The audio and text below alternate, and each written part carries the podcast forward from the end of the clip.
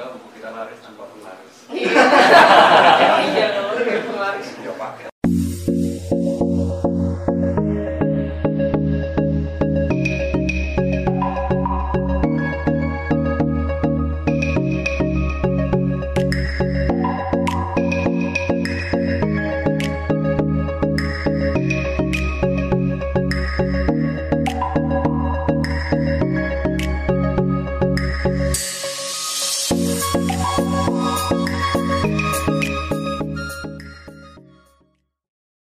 Oke, selamat datang semuanya para pengikut setia channel YouTube Kisah Tanah Jawa. Mungkin ini adalah apa ya? Video pertama obrolan santai kita di tahun 2019. Yang mana untuk pertama kalinya sekarang kita tampilnya nggak bertiga doang gitu kan ada dua orang karyawan baru Kisah Tanah Jawa. Wah, bukan karyawan. Tanah Jawa nggak pernah punya karyawan. Bergerak mandiri. Jadi mereka berdua ini adalah merupakan ini ya eh, pembaca yang udah lama mengikuti Kisah Tanah Jawa ya mas. Sudah, sudah. Seberapa lama? Kira-kira ya setahun belakangan ini. Mbak, seberapa berapa hari yang lalu? Baru kemarin sore. udah lama lah ya, pasti ya, udah lama. Nah, jadi mereka berdua adalah pembaca Kisah Jawa dan pastinya kalian juga bakal bertanya-tanya nih, kenapa nih kok eh, ada ada yang berbeda di meja kita? Biasanya kan biasanya kan meja kita kan cuma tampilannya cuma ini ya laptop doang ya. Nah, sekarang ganti ganti ganti. Ganti pemandangan 2019 masa laptop aja gitu. Jadi di sini eh, kita juga akan memperkenalkan kepada kalian bahwasanya setelah sekian lama bersemedi di dalam gua gitu kan akhirnya kita bisa menerbitkan sebuah buku. Ini buku bergambar bukan buku cerita aja buku bergambar berjudul kisah tanah Jawa yang udah mulai terbit di toko-toko buku kesayangan. Kesayangannya siapa? Ya itu terserah yang jelas ini udah udah udah terbit di toko buku dan bisa kalian cek nanti apabila kalian tertarik untuk membacanya kayak gitu kan buku ini sendiri sebenarnya udah dikerjakan berapa lama sih Mas Mada sama Om Hao? kira-kira ya satu setengah bulan Ya satu setengah bulan tapi udah dari dari rencananya udah dari tahun 2018 lah ya Om Hao ya. itu kan akumulasi ya beberapa Akumulasi. akumulasi cerita di K- apa Hmm. namanya di KTJ terus kita eh bikin alur cerita lagi iya. kemas Hmm. lagi ya Hmm. jadinya totalnya satu setengah bulan ya. Waktu yang cepat sekali Jadi ya itu sekelumit aja. Jadi diam-diam belakangnya kan kalian juga tahu sendiri kan kita jarang-jarang muncul di sosial media mungkin juga karena ya kita bertiga ada sesuatu yang harus diselesaikan dan inilah akhirnya hasil dari pertapaan kita. Tapi nggak udah nih kalau kita semua yang ngasih tahu apa isi bocorannya kan. Berhubung ini juga udah terbit selama seminggu dua mingguan dan ini dua dua dua pembaca di sini aku tanya tadi dia mereka semua udah sempat sempat baca juga tentang isi bukunya. Menurut kalian isi bukunya kayak gimana sih? Memalukan kita atau enggak? Enggak lah ya. Gimana? Menurut menurut menurut menurut menurut mbak menurut mbak dulu gimana? Dulu ya? Iya, review unboxing. Eh, isinya itu dari ada sih beberapa yang sama kayak di Jogja Hidden Story sama Hmm. yang Jawa Hidden Story. wah bukunya mas Made ya? Beberapa yang sama. Terus eh, kalau pengalaman baca ada sih yang kayak jembatan di ujung timur Pulau Jawa itu ya, cuman nggak disebutin jembatan apa. Kebetulan pas kemarin itu belum lama berkunjung ke situ, terus kayak mikir oh di sini ya. Terus ada ada kalimatnya yang di pilar 85 juga kayak gitu kan. Hmm, Terus eh, lihat-lihat lagi di galeri yang mana ya pilar 85 terus kayak nyocok-nyocokin kayak yang di kemarin pernah ke sana sama yang di buku. Terus kalau yang lain tuh Kak kayak eh, foto-foto gambar yang di sini yang kuntilaki. Kayaknya tuh lebih serem dari yang pocong kalau menurutku karena emang kuntilanak itu apaan sih mbak? Aku aja malah nggak aku malah lupa lah aku baca gambarnya. Kayak kalau kita lihat itu kayak dia ngikutin kita dia ngeliatin kita. Jadi kalau pas baca eh, fotonya tuh ditutup terus oh merasa terhantui gitu ya ketakutan kayak baca baca sebelahnya cuman kayak pengen lirik kayak pengen lirik sebelahnya Hmm. Eh, apalagi ya mungkin itu dulu Itu dulu ya. Kalau dari Mas, ada apa nih Mas? Menurut Mas gimana nih pengalaman setelah mengunboxing, unboxing Satana Jawa? Jangan membaca unboxing. Oh, iya. Jadi kan eh, saya kan eh, baru beberapa hari ini ya beli bukunya. Langsung saya baca gitu karena memang isinya menarik. Jadi saya cepat ngabisinnya gitu. Saya dalam dua hari dua setengah hari itu udah habis. Apa satu buku ini udah saya baca semua gitu. Nah kalau dari saya sendiri sih eh, gimana ya? Ini bukunya tuh yang bener-bener unik gitu. Jadi isinya tuh cara menyampaikannya juga dari metodenya sendiri dari cara mencari apa datanya untuk isi buku ini sendiri itu udah unik gitu caranya dan belum pernah ada di buku-buku yang sebelumnya saya baca. Kalau dari sebelumnya mungkin datanya kayak data fisik gitu data real. Cuma kalau di sini tuh kita pakai apa ya disebutkan adalah eh, metode red, eh, rek- Retrokognisi. retrokognisi iya itu yang ba- ya. iya itu tuh yang bener-bener baru buat saya gitu yang saya baru tahu dari buku ini ternyata ada metode yang sebegitu eh, keren gitu. Menurut saya tuh bagus banget. Gimana ya? Potensinya besar. Nah dikemas dalam bukunya juga kalau saya nilai nggak ini kan bukunya bisa dibilang buku cerita mistis gitu ya. Cerita mitos-mitos rakyat urban legend. Tapi ada unsur-unsur nilai sejarahnya juga gitu yang bisa kita apa bisa kita dapat. Dan ada fakta-fakta yang terkuak gitu yang nggak semua orang tahu juga dan itu cuma tim kisah tanah Jawa ini kisah tanah Jawa ya yang bisa mengungkap itu dan diwujudin dalam buku ini jadi ya keren banget sih bukunya karena nggak cuma mistis tapi ada nilai sejarah itu dia Gimana Mas Mada kamu sudah merasa besar kepala atau belum? enggak, enggak, enggak, enggak. Kita mah biasa aja. Itu nggak cukup. Oh iya, buat teman-teman semuanya kan sebenarnya kenapa sih dari awal aku nggak bilang ini adalah sebuah buku buku cuma tulisan aja karena kita di sini ada ada ini juga ada ada gambarnya juga gambar gitu. Dan ini nggak cuma satu, ada beberapa juga. Jadi biar sebenarnya biar apa ya? Biar biar kelihatan keren aja sih ya sebenarnya kayak gitu. Menurut Mbak sama Mas, satu gambar yang menurut kalian paling berkesan dari mana? paling berkesan buat Iya, saya malah iya. yang gambar pertama sih Gambar pertama. Gambar pertama itu yang sinden sama langgam Jawa. Eh bukan bukan Bukan yang itu ini ya. Berarti gambar kedua ya. Oh iya iya iya. Yang Oh, yang ini ya? Langgam Banyumasan itu sih. Karena saya mikirnya eh, sebegitu apa ya tragisnya nasib mereka setelah gambar ini tercipta gitu. Saya mikirnya setelah itu malah karena kalau dilihat dari ininya dari rekam rekam visualnya eh, Ya apa ya ada keceriaan tapi setelah itu Tragis. tragis gitu apa yang mereka alami jadi saya kasihan gitu Bener saya nggak? kasihan gitu Ini ternyata gambarnya. Seperti ini. Itu menjadi legenda rakyat kok. Mitos eh, legenda rakyat Sutasana. Kalau dari Mbaknya sendiri apa nih? Nah, itu tadi yang kuntilati ternyata nggak cuma ada kuntilanak ada kuntilati juga dan di sini di gambar itu serem lebih serem dari yang eh, pocong yang dilihat kurang lebih berapa berapa detik yang bikin Tiga kali Oh, iya. manggil Nah. namanya. ya itu pokoknya kalau aku lebih serem yang kuntilatinya kayak malah ngeliatin kita balik Sempat mimpi nggak? Sem nggak sih cuman tidurnya jadi malam banget nggak bisa tidur Itu kalau dari segi pembacanya. Sekarang saya tanyakan pada segi para pembuat onarnya. Kira-kira menurut Om Hao mana yang dari segi pembuatnya ya, yang punya nilai plus dari dari visual visual gambar?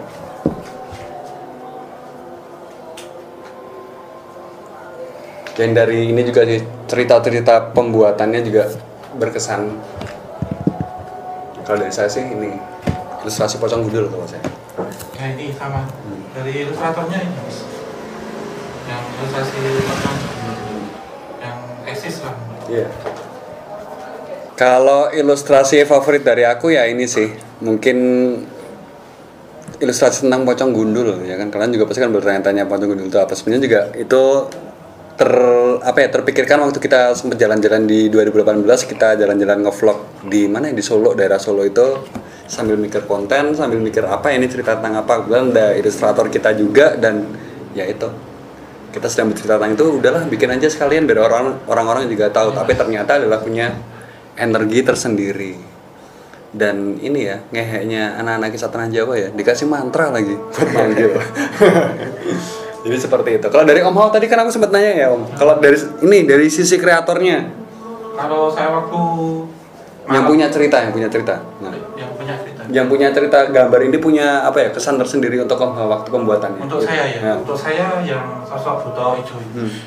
Karena waktu itu saya juga harus meyakinkan uh, ilustratornya, Hmm. karena di sini kan ada maaf, ada kepala anak, Hmm. anak juga punya punya anak yang sama gitu. Waktu itu mendapatkan filenya ini sekitar tiga minggu selesai, Hmm. baru selesai untuk pewarnaan karena sewaktu mau mewarnai juga itu kayak ada yang ngalang-ngalangi, Hmm. kayak dipudarin dia apa. Jadi ada hambatan banyak hambatan itu. Iya. Sebenarnya nggak mau digambar tuh ya. Mau ya karena kan jadi rahasia dan ada maaf ya ada sadisme di sini. gitu. Mas Manda, ada favorit? Ya. Atau tulisan yang ka- kamu tuliskan yang kamu favoritkan gitu apa? Semuanya. Semuanya. Iya. Satu lah yang paling berkesan. Apa ya? Ya, semuanya saya, Semuanya. saya suka. Karena saya bekerja dengan cinta dan saya mencintai tulisan saya. Kalau Mas ada nggak Mas? Satu cerita yang menurut kamu paling berkesan? Yang paling berkesan ya. Eh, Selain gambar ya, tadi kan aku nanya gambarnya. Eh, by the way, Mas siapa tadi? Aku lupa kenalan. Oh iya. sorry, sorry, sorry, sorry. Mas siapa tadi? Saya Prasojo. Oh, Mas Prasojo. Prasojo. Dari dari dari Sedayu Bantul. Mas dari Jogja, Jogja. Jogja, Wong Bantul. Yojo. Hmm. Iya. Ada nggak Mas part favoritnya? Oh iya, Mbak. Sorry, saya skip, skip. Mbak, siapa nggak lupa tadi namanya. Mbak siapa? Saya Febri Mbak dari Febri. Kasongan. Dari Kasongan. Satu lokal youth. Iya sekali. Bantul. Bantul dari Bantul. Sentra Grabah ya. Iya. Kasongan lah. Ya. Dari Masnya dulu deh. Oh iya. Satu Kalau- cerita yang menurut ka- kalian paling berkesan? yang paling berkesan ya karena ini menyangkut pengalaman pribadi saya juga sama keluarga juga. Itu saya ngeliat di sini kan ada ilustrasinya dan ilustrasinya juga cukup jelas. Itu ilustrasinya Nyi Blorong. Nah Nyi Blorong ini yang ada di halaman sekian itu ilustrasinya eh, perempuan cantik setengahnya badan manusia dan kakinya itu eh, ular gitu ular besar. Nah itu yang pernah terjadi di rumah saya itu jadi ibu saya pernah suatu waktu didatangi oleh ular ini untuk apa izin tinggal di rumah saya itu dan tidak ingin disuruh pergi. Nah karena sebelumnya memang ibu saya berkomunikasi sama orang yang bisa untuk minta eh, sil- mungkin makhluk ini untuk keluar dari rumah tapi eh, si apa makhluk ini nggak mau keluar jadi minta izin sama ibu saya untuk tetap tinggal di situ. Nah ibu saya itu cerita langsung ke saya. Jadi yang paling berkesan sih karena pengalaman pribadi ya. Jadi ya yang nyiblorong tadi karena ilustrasinya juga sangat jelas dan persis seperti yang diceritakan oleh ibu saya perwujudannya itu. Berarti ini guys KSBB, kelingan sing bian-bian. Gua sama lah banyak bercandanya, sorry sorry. Kalau dari banyak ada nggak? Dari aku yang paling berkesan tuh kayak yang pesugihan-pesugihan penglaris. Hmm. Nah dulu tuh pernah lihat ada filmnya yang pakai penglaris di jualan bakso yang ada air liurnya Oh, kayak gitu iya. kan tuh sempet nggak doyan bak- bakso tuh beberapa bulan. Nah itu kan cuma di film terus sempet doyan lagi kan Hmm. sekarang eh baca bukunya lagi ternyata tuh bener kalau ada fotonya juga yang nih. yang ini Hmm. ini kan ada nah di filmnya itu juga mirip persis kayak gini dan setelah membaca ini ternyata bener kalau penglaris itu ada kayak gini terus kayak nggak mau makan bakso lagi Ya enggak semua tapi ya. Maaf ya para penjual bakso, nggak bisa pernah ada maksudan seperti itu. Ya enggak semua. Ya enggak Ini semua. Enggak semua. Enggak seperti itu. Jadi itu ya mbak paling berkesan karena ya relate juga kan ya sama ini ya kejadian di.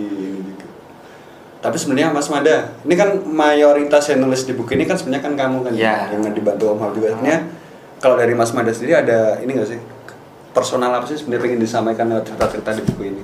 Ya, seperti kita kan misinya Hmm. sederhana ya, kita menyampaikan sejarah dibalut dengan hal-hal mistis. Iya. Gitu ya. Jadi eh, buku ini adalah pancingan, semacam pancingan agar generasi saat ini tuh suka akan Hmm. ingat akan leluhurnya dengan sejarah-sejarah masa lalu bang, Hmm. anu, bangsanya sendiri. gitu ya. Kan ini nggak semua juga tentang horor semua ya, ada sejarahnya juga yang kita bisa bahas mengenai apa namanya eh, budaya Jawa, kejawen itu yang mungkin orang mengatakan saat ini mengatakan sesat atau apa gitu kan, menyimpang atau melanggar apa gitu kan. Tidak seperti itu. Ya kita coba coba sedikit kita jelaskan bahwa kejawen itu enggak seperti yang dituduhkan orang. Eh, menjadi kambing hitam sebuah kemusyrikan atau kesirikan. Tidak seperti itu aslinya enggak seperti itu. Cuma ada eh ada sejarah ada ada orang-orang yang pada masa itu membelokkan agar seperti itu. Dituduh, dituduh, dituding menjadi budaya sesat. Itu. Itu kan sebenarnya untuk mengecilkan bangsa kita itu, bangsa Nusantara bangsa Jawa ini itu. Agar kerdil tidak bisa menjadi bangsa besar seperti itu. Harapannya ya agar kita ingat bahwa kita itu sebenarnya orang anu, keturunan orang-orang hebat kita bangsa yang hebat itu aja Gitu. Kalau dari Om Haus sendiri ada pesan tersirat nggak sih Om dari untuk dari buku ini untuk semuanya para pembacanya itu? Iya. Karena kami selaku ini ya penyambung Iya. lidahnya. Eh, yang pertama memang sebagai penyambung lidah itu menyampaikan cerita yang boleh diceritakan, mana yang tidak. Lalu yang kedua, saya sependapat dengan Mas Pada sampaikan tadi, jadi istilahnya sejarah itu kita tidak bisa lepas dari peran-peran hal spiritual, tidak saya sebut mistis, tapi spiritual, magic dan supranatural. Karena di era-era modern ini sebenarnya hal itu ada, cuman orang kemudian mengkaitkan dengan logika ataupun sosial masyarakat, tapi ini tidak akan bisa luntur, cuman bisa terkikis. Jadi setidaknya sebagai generasi muda kita juga akan mengingat kejayaan masa lalu itu seperti apa dan keanekaragaman yang ada di negara tercinta ini. Dari kita bilang tentang hantu aja sudah beraneka ragam di sini. Apalagi tentang sosial budaya, tentang sejarah, tentang kuliner dan macam-macam. Salah Satunya itu. Kalian berdua kira-kira menangkap nggak pesan dari para kreator ini dalam buku ini menangkap nggak sekilas setelah mereka sampaikan ini kalian menangkap nggak ada pesan seperti itu nggak di buku ini? ada ada ada banget sih kalau menurut saya dari nilai sejarahnya ada dari nilai filosofi filosofi Jawanya pun ada di sini. Dan itu juga dijelaskan cukup jelas oleh buku ini ya.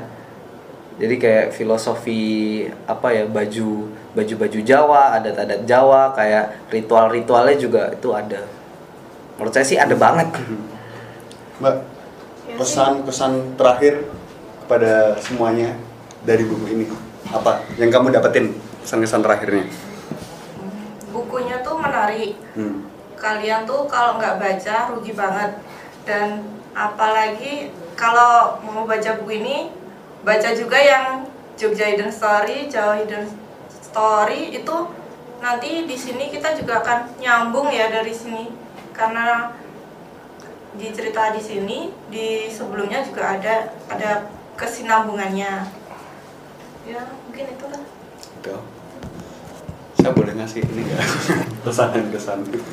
Jadi buat kalian semuanya yang mungkin udah mendengarkan obrolan kita dari tadi yaitu tentang apa apa sebenarnya buat buat inside this lost book buku yang hilang akhirnya ditemukan akhirnya udah bisa kalian temukan juga di toko-toko buku terdekat dan pesan saya juga saya juga sedikit menuliskan cerita di sini ya bagaimanapun jika kita sebagai generasi muda nggak ada salahnya kok belajar dengan mereka-mereka yang pernah hidup di masa lalu. Karena itu juga mengandung banyak pembelajaran yang bisa kita gunakan di kehidupan kehidupan sekarang. Kayak gitu. Saya terlihat bijak sekali dan jadi seperti itu aja ya teman-teman semuanya ya. Jadi buat obrolan santai kali ini bersama dua pembaca kisah tanah Jawa mungkin kita akhiri. Semoga di obrolan santai selanjutnya kita bisa ngobrol lagi nih. Nggak cuma kita bertiga aja mas karena Ya. terasa sepi kalau kita bertiga ya. Om mau ya? Iya. Kita yang bertiga dengan backgroundnya? oh iya ada yang aneh nggak dengan backgroundnya Sekarang ganti coklat sebelumnya warnanya hijau iya Nanti kita jadi basecamp coklat. sekarang. basecamp tetap tapi mungkin ganti hijau aja lah ya biar ada energinya gitu kan Jadi itu aja sih teman-teman semuanya. Semoga di minggu depan kita bisa bertemu lagi di obrolan santai dan ya jangan lupa buat terus saksikan YouTube Kisah Tanah Jawa. Subscribe, like dan komen. Oke, Kisah Tanah Jawa Gaming. Terima kasih semuanya.